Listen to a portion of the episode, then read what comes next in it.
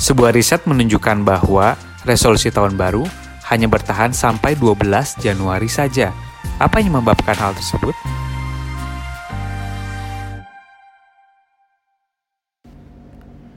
Hai guys, welcome to Decision Making Podcast with me Irfan Agia. Sebuah podcast tentang bagaimana kita bisa lebih baik dan juga lebih bijak dalam mengambil keputusan dalam kehidupan kita sehari-hari. Dibahas dari berbagai perspektif, terutama keilmuan psikologi dan behavior science. Karena hidup adalah akumulasi dari pilihan-pilihan yang kita ambil. Nah, di episode ke-24 ini, kita bakal coba bahas tentang resolusi tahun baru atau New Year, New Me. Nah, mari kita lakukan reality check. Sudah sejauh mana rencana yang kita janjikan di tahun lalu sudah terrealisasikan ataupun belum? Nah, ini juga jadi episode pertama di tahun 2020. Thank you buat teman-teman yang udah sempat dengerin podcast ini dari setahun kemarin di tahun 2019. So, let's start this year with more meaningful topics. Oh iya, dan gue juga bakal selalu share summary dari setiap episode di Instastories. Jadi teman-teman bisa cek aja nanti summary-nya di Instagram at irfan underscore agia. Oke, sekarang kita bahas tentang uh, tahun baru, New Year Resolution. Nah, teman-teman mungkin wondering ya, kenapa sih tahun baru itu selalu spesial dan identik dengan resolusi atau rencana untuk bisa lebih baik di tahun berikutnya gitu ya. Nah, di keilmuan behavior science atau ilmu perilaku ada suatu fenomena yang disebut fresh start effect gitu nah fresh start effect ini tuh menjelaskan kalau orang itu akan cenderung melakukan aksi atau menyiapkan rencana untuk mencapai tujuan mereka di hari-hari yang merepresentasikan the new beginning. Contohnya kayak hari ulang tahun, new season atau musim yang baru, dan of course new year. Nah, momen-momen ini tuh menciptakan jarak psikologis antara the old us dan juga the new us. Nah, hal ini tuh akan memudahkan dan mendorong kita untuk mencoba menciptakan kebiasaan baru ataupun menghentikan kebiasaan lama kita yang kita anggap buruk. Nah, menurut gua fresh start effect ini tuh perlu dimanfaatkan dengan baik untuk setiap orang. Kenapa? Karena secara psikologis kita tuh sudah didorong dan disiapkan untuk mencapai tujuan-tujuan baru kita melalui momen-momen tersebut. Jadi so dari perspektif gue sendiri nggak ada salahnya untuk kita membuat resolusi. Karena itu salah satu bentuk kita dalam memanfaatkan fenomena fresh start effect ini. Jadi ini bisa jadi a stronger motivation to change yourself for the better. Nah, gue sendiri orang yang senang planning gitu ya untuk setahun ke depan apa yang bisa gue buat lebih baik lagi, apa kebiasaan yang pengen gue latih lagi, dan juga apa sih yang pengen gue capai dan sebagainya. Nah, gue juga reflect nih setahun kemarin. Jadi, sebagai orang yang belajar ilmu psikologi, behavior science, gue juga sering ngasih advice ke orang-orang atau ngisi workshop tentang gimana sih membangun habit atau kebiasaan yang baik. Yang konsisten gimana. In general, gue tahu teorinya, what the science behind it, and so on. Tapi setelah gue looking back to myself gitu ya gue mengevaluasi lagi ternyata belum sebanyak itu. Gue menerapkan ilmu-ilmu yang sering gue share ke audiens gitu ya ke kehidupan gue sendiri sehari-hari. Jadi buat gue pribadi di tahun ini gue mau coba lebih fokus menerapkan itu untuk bisa membangun habit yang lebih baik lagi gitu ya in my own daily life gue pribadi di tahun 2020 ini overall big picture-nya pengen lebih organized pengen lebih resourceful dan juga lebih banyak berkarya lagi. Nah, untuk mewujudkan goals tersebut, I think I need help from technology and app in my smartphone gitu ya, to shape and maintain the habit. Kenapa? Karena di tahun kemarin gue sempat nyelesain baca satu buku, uh, judulnya Indestructible dari Nir Eyal, dan menurut gue itu adalah buku yang aplikatif dan insightful untuk kehidupan kita sehari-hari. Jadi di buku itu tuh ngajarin dan juga ngasih tahu kalau skill untuk bisa fokus gitu ya indestructible nggak mudah terdistract itu adalah salah satu skill yang harus kita kuasai dan kita miliki di century sekarang gitu ya. Karena kita hidup di zaman banyaknya distraksi gitu ya. Terus juga attention kita tuh jadi sangat mahal. Kenapa? Karena uh, kita juga udah overall kehidupan kita mostly di teknologi, di app, di smartphone. Jadi gimana caranya kita juga bisa memanfaatkan teknologi tersebut untuk justru bisa lebih fokus, bukan menjadi lebih terdistraksi. Nah, belajar dari situ, gue mencoba untuk di tahun ini memanfaatkan teknologi justru untuk membangun habit gue yang lebih fokus dan lebih better gitu ya. Jadi contohnya, uh, gue kan pengen jadi lebih organized gitu. Nah gue juga sekarang kalau di laptop gue pakai uh, metode namanya priority matrix gitu ya pakai post it gitu. Jadi gue bagi kerjaan gue tuh ke empat aksis gitu. Jadi ada aksis yang judulnya itu important but not urgent important but urgent not important but urgent dan also not important and not urgent. Jadi gue bagi jadi empat bagian jadi gue akan masukkan beberapa kegiatan terutama kerjaan gue di kantor gitu ya. Untuk yang important dan urgent itu gue harus solve today hari ini. Gue bakal masukin post-itnya di area situ. Terus yang kira-kira misalnya tuh penting tapi nggak terlalu urgent itu gue masukin di aksis bawah. Gue bakal think and plan. Jadi itu nggak urgent tapi dalam seminggu tuh gue harus selesain. Terus ada yang urgent tapi nggak begitu important. Nah ini juga gue bisa belajar untuk mendelegate kerjaan-kerjaan ini gitu ya ke orang lain. Dan yang satu lagi itu kerjaan yang not important dan juga not urgent. Itu bisa gue ignore atau cancel. Nah dari priority matrix ini gue jadi belajar untuk lebih mengorganisasi dan menun menunjukkan prioritas gitu ya mana kerjaan yang harus gue selesaikan sekarang mana yang enggak mana yang bisa didelegate mana yang enggak gitu ya jadi di tahun ini gue udah mulai mencoba uh, mengkategorisasi kerjaan gue pakai priority matrix. Terus juga untuk manajemen keuangan ini teman-teman juga bisa download. Gue pakai aplikasi namanya Coin Keeper ini free teman-teman bisa download juga.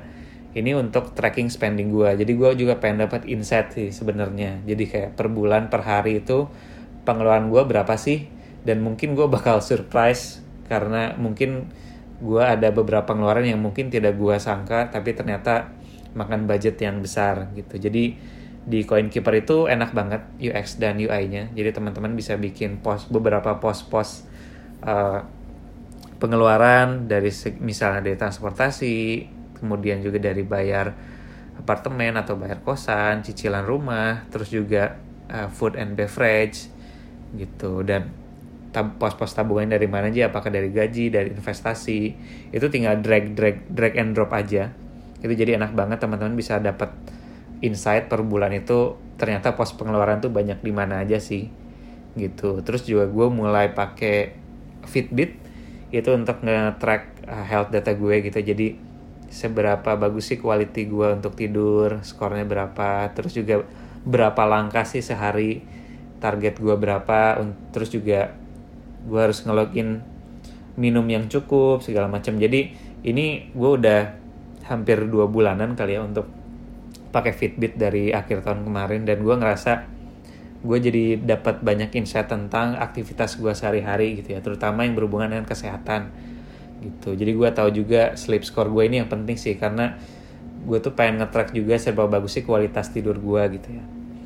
Terus juga uh, eh, gue juga sekarang download uh, brain games ya namanya PIK PAK teman-teman juga bisa download. Itu juga tiap hari gue bisa spend waktu sekitar 5 sampai 10 menit untuk main games-games yang sebenarnya games-games sederhana, games-games yang cuma 3 4 menit gitu ya, tapi uh, bisa improving memory, problem solving, itu enak banget dan kita bisa set remindersnya juga.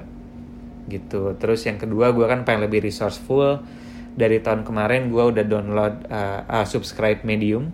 Itu untuk baca-baca artikel-artikel yang menurut gue bagus-bagus dan juga banyak gue jadikan bahan untuk podcast juga. Terus gue subscribe Blink Blinkis sekarang gitu. Jadi gue juga pengen banyak baca juga tapi mungkin kalau bisa dapat uh, summary-nya gitu ya dari 15 minutes atau audiobooknya itu gue bisa baca di Blinkist. Terus juga gue tiap hari sekarang udah mulai membiasakan dengar podcast TED Daily misalnya nah terus yang ketiga gue juga pengen lebih banyak berkarya. Jadi selain tetap konsisten bikin podcast dua minggu sekali gue sekarang sebulan sekali juga coba pengen bikin artikel. Nah gue juga pengen tahu nih apa resolusi teman-teman di tahun ini? Nah kemarin gue sempat ngelakuin voting di Instagram terus bertanya apakah kebanyakan orang itu termasuk yang suka melakukan planning atau menyiapkan resolusi untuk tahun baru? Atau mungkin nggak pernah nyiapin apa-apa untuk nyambut tahun baru dan just go with the flow. Nah hasilnya itu cukup berimbang, tapi kebanyakan lebih ke yang suka planning untuk resolusi, resolusi tahun baru. Dari jawaban-jawaban yang di-share, beberapa goals yang pengen dicapai kayak promosi naik jabatan lah di tahun ini, terus bisa nyicil beli rumah, lulus kuliah dan diterima di kuliah luar negeri, dapat beasiswa, bawa keluarga berangkat umroh, terus juga beli mobil, ada juga yang merit tahun ini, dan juga ada yang pengen fokus di pengembangan skill, kayak pengen belajar fotografi, coding, sampai ada juga yang pengen ikut kegiatan volunteer. Nah, mungkin beberapa resolusi yang udah gue sebutin tadi sering juga kita denger ya tiap tahunnya. Kayak exercise more, eat healthy, saving money, lebih organized, find a new hobby, spend more time with family and friends, traveling, read more, dan sebagainya. Nah, selalu kalau gue lihat polanya itu similar setiap tahunnya. Nah, gue juga cari banyak riset, ada survei dari Vitagen, ada 5 the most popular New Year resolution. Nah, yang paling atas tuh yang pertama adalah exercise untuk get in shape. Gitu. No wonder makanya setiap awal tahun itu kayak fitness gym subscription itu selalu naik banget di awal tahun gitu karena orang-orang udah mulai pengen top goalsnya adalah exercise more dan daftar di membership gym gitu terus yang kedua diet ini untuk losing weight gitu. Ini fokus ke diet sih bukan exercise. Yang ketiga saving money terutama di manajemen keuangan berarti ya.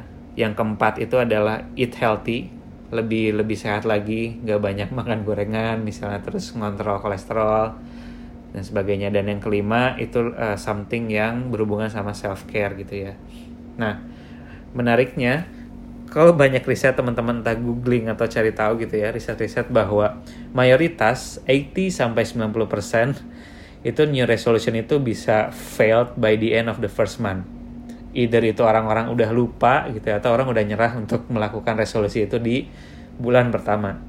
Menariknya lagi ada riset dari Strava itu tunjukin kalau rencana-rencana resolusi orang ini kebanyakan gagal atau tidak dilanjutkan lagi itu per tanggal 12 Januari gitu. That's why podcast pertama ini publishnya di tanggal 12 Januari gitu ya. Jadi ini bisa jadi momen refleksi juga dan sesuai judulnya bisa jadi reality check juga untuk teman-teman yang bikin planning resolusi gitu ya di tahun ini 2020 sudah serba jauh sih kita menjalankan rencana resolusi di tahun ini.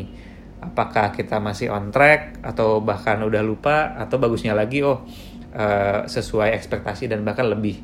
Tiap orang beda-beda. Namun kalau dari research uh, menunjukkan kalau mostly orang-orang sudah mulai lupa atau udah fail ya di tanggal 12 Januari ini.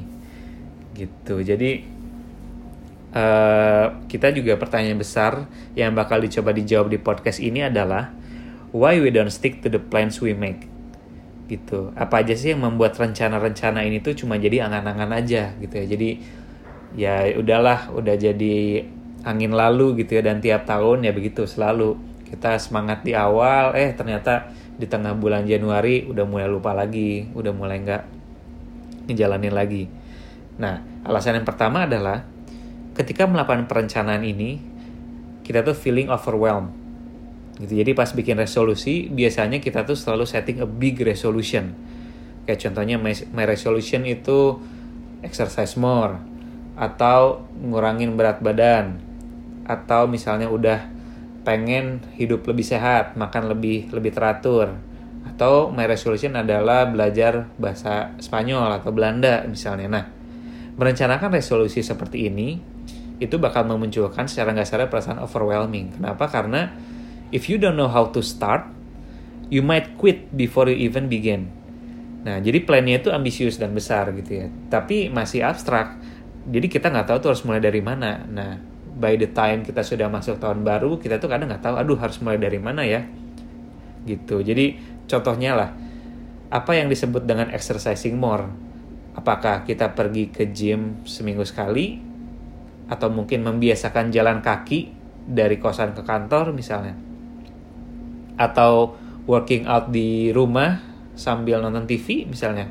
Udah nggak ngejim lagi di luar tapi udah mulai working out di rumah kan ada banyak jalan untuk uh, apa achieving that goal. Tapi kadang karena kita fokus sama big resolution aja kita nggak tahu where to start. Gitu. Terus juga terus pengen nurunin berat badan. Emang seberapa uh, besar sih yang uh, berat badan yang kita turunkan gitu ya? Apakah kita akan pakai weekly goal target mingguan atau target bulanan? Kemudian untuk uh, makan lebih sehat gitu ya? Apakah kita akan stop minum soda gitu. Apakah kita akan limiting fast food gitu ya atau makan malam gitu ya nggak makan malam lagi? Atau sekarang udah membiasakan sarapan gitu ya dibandingkan cuma minum kopi gitu. Jadi apa yang disebut dengan healthy eating? Nah problemnya adalah kita setting big goals tapi kita tidak sampai turunannya. Apa sih yang bisa kita lakukan untuk mencapai big goals tersebut? Jadi Indian kita akan feeling overwhelmed gitu. Nah, yang kedua adalah kita tidak uh, punya estimasi waktu yang realistis gitu. Nah, kebanyakan orang itu mengunderestimate seberapa lama sih uh, waktu yang dibutuhkan untuk complete things gitu ya, untuk menyelesaikan sesuatu.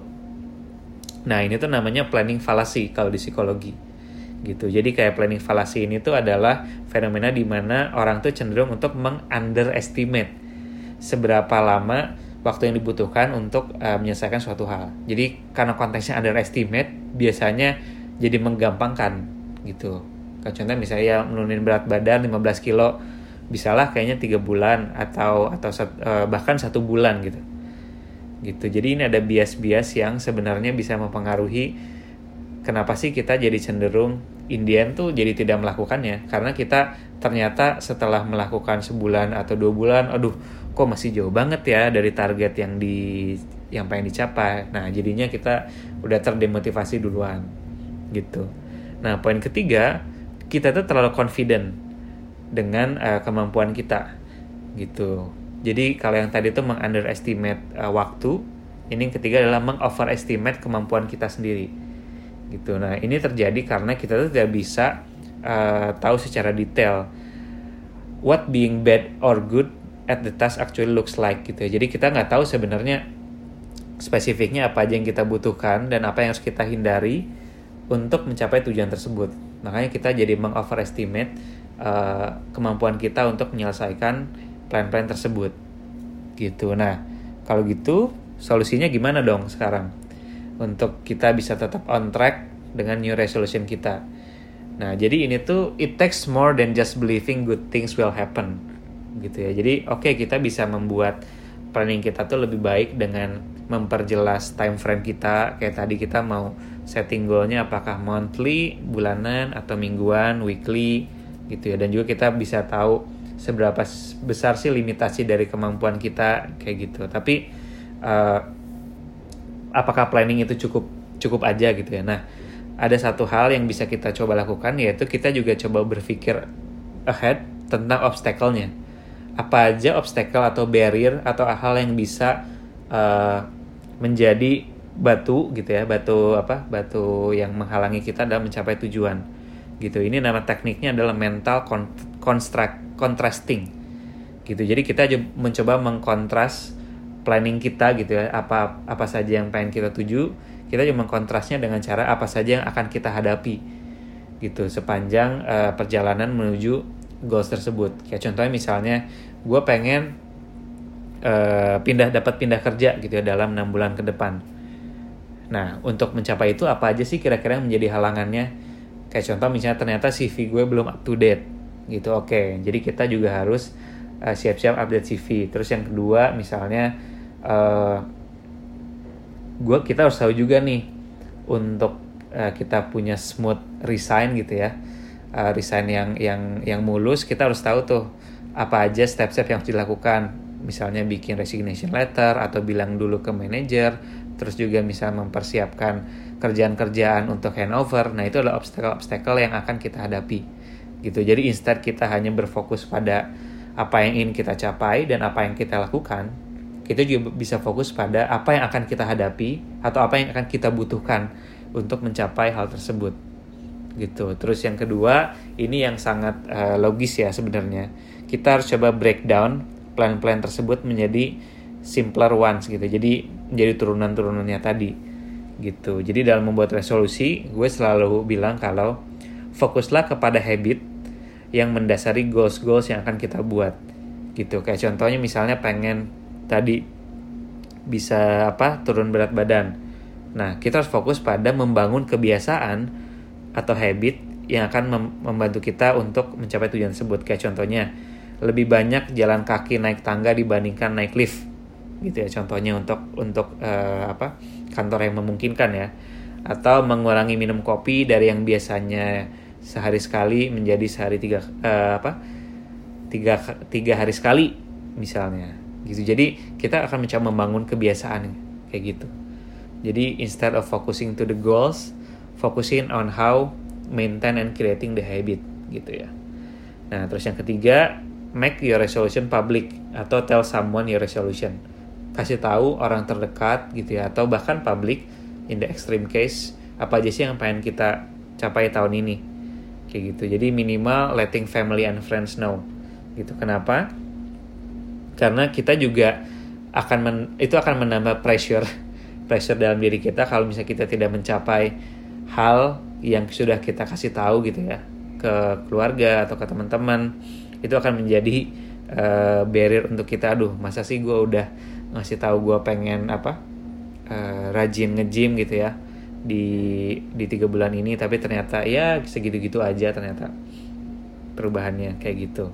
Jadi tell someone your solution itu akan menambah uh, social pressure lah gitu. Terus yang keempat ini kalau memungkinkan uh, change your behavior with others gitu jadi ketika kita mau mengubah kebiasaan gitu ya, atau mau kebiasaan baru cobalah ajak teman atau misalnya partner kita atau salah satu keluarga untuk bareng-bareng ngubah uh, kebiasaan tersebut. Ini untuk case-nya untuk beberapa orang yang pengen ngubah kebiasaan dan kebetulan uh, networknya juga pengen hal yang sama. Contohnya misalnya kita mau janjian sama partner kita untuk berhenti ngerokok dan juga minum, misal minum alkohol misalnya atau ngebir misalnya atau eat unhealthy gitu. Jadi kita bisa uh, punya plan bareng nih.